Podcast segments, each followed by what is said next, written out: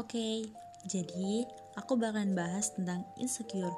Buat kalian yang follow IG, ini kata kita, ini adalah self reminder pertama. Nah, kenapa sih kita jadiin self reminder pertama? Jadi, gini loh. Kalian sadar gak sih kalau kalian tuh sering banget ngalamin insecure? Baik secara sadar dan gak sadar gitu.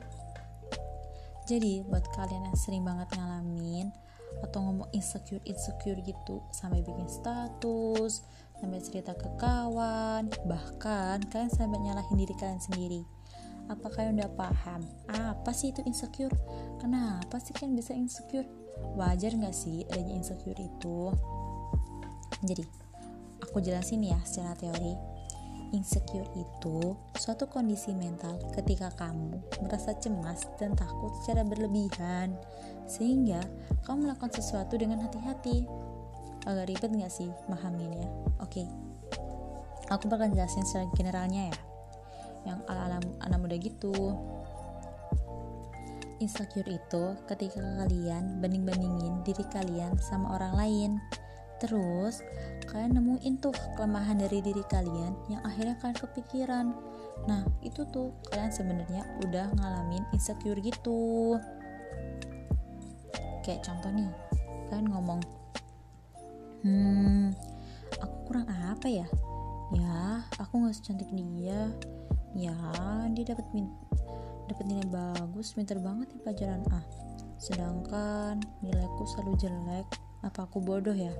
Nah, kalimat kayak gitu tuh yang udah masuk insecure. Oke, lanjut. Kenapa sih kita bisa insecure?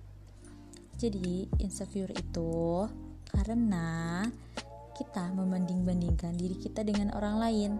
Ya, kayak contoh masalah ukuran berat badan, kemudian kecantikan kalian, kemampuan kalian, bahkan nih, keadaan ekonomi juga bisa jadi loh penyebab insecure karena hal kecil aja bisa bikin kalian kepikiran. Keren gak sih cara kerja otak ke mental kita? Keren banget lah. Tapi jangan disalahgunain ya. Oke lanjut lagi. Wajar gak sih adanya insecure itu? Jadi gini loh kalian-kalian nih pasti sering banget banding-bandingin diri kalian. Nah udah deh stop lakuin itu. Kuncinya yang paling penting tuh adalah bersyukur kalian harus sadar kalau masih banyak orang yang gak seberuntung kalian. Masih banyak tuh yang kurang dari kalian. Masih banyak yang gak sebahagia kalian. Ya mungkin kalian sering banget dengar kalimat-kalimat itu. Bahkan cuman kalian anggap angin lalu. Tapi coba deh kalian lihat sekitar-sekitar kalian. Banyak kok yang gak seberuntung kalian. Tapi buat kalian juga yang udah bahagia dan gak insecure please please banget.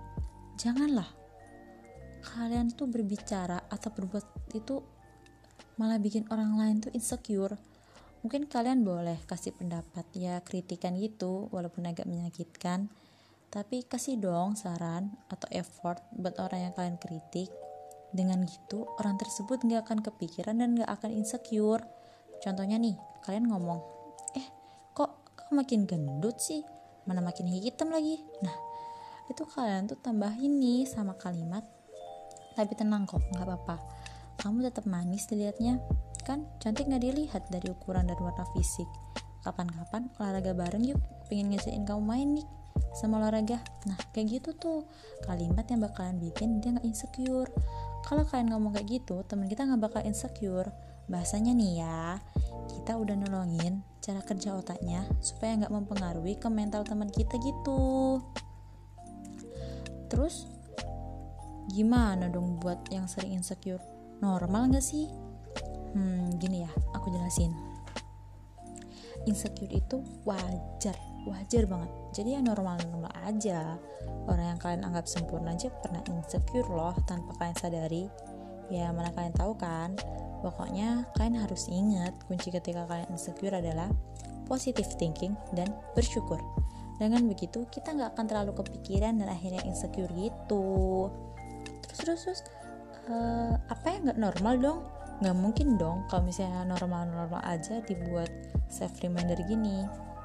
Nah yang nggak normal itu ketika kita insecure kita melupakan Tuhan dan orang yang support kita.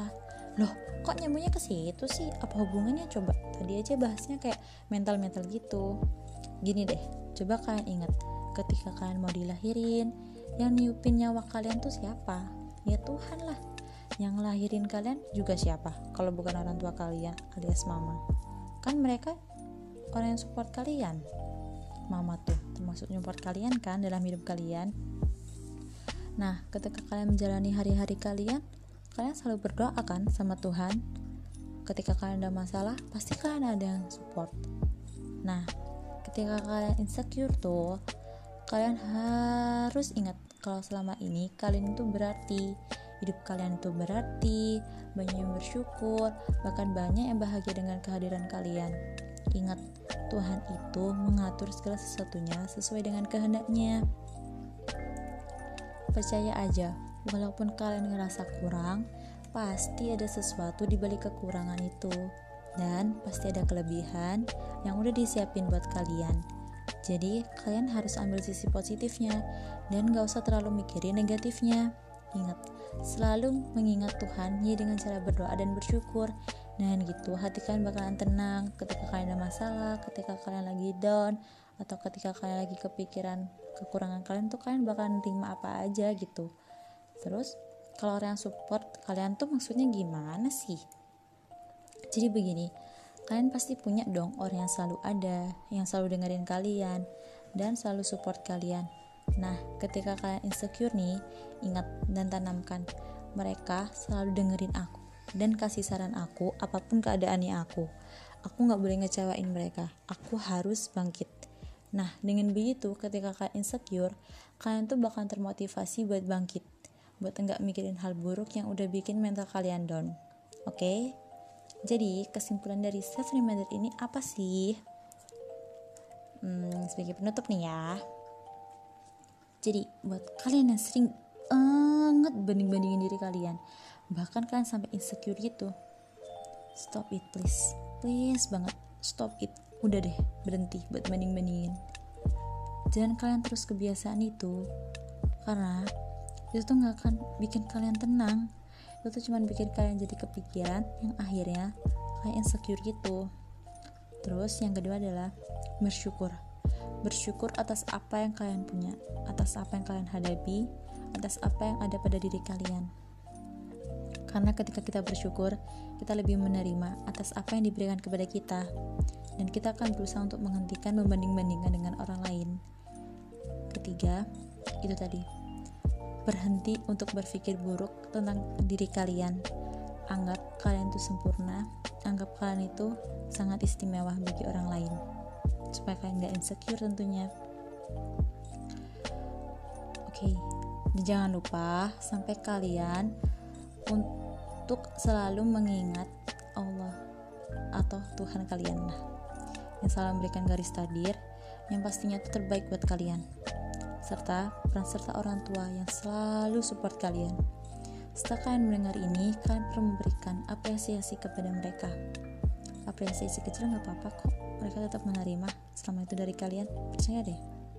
Oke, okay. hmm, udah dulu ya. Self reminding pertama ini. Thank you for listening guys. See you on next topic, okay? Bye.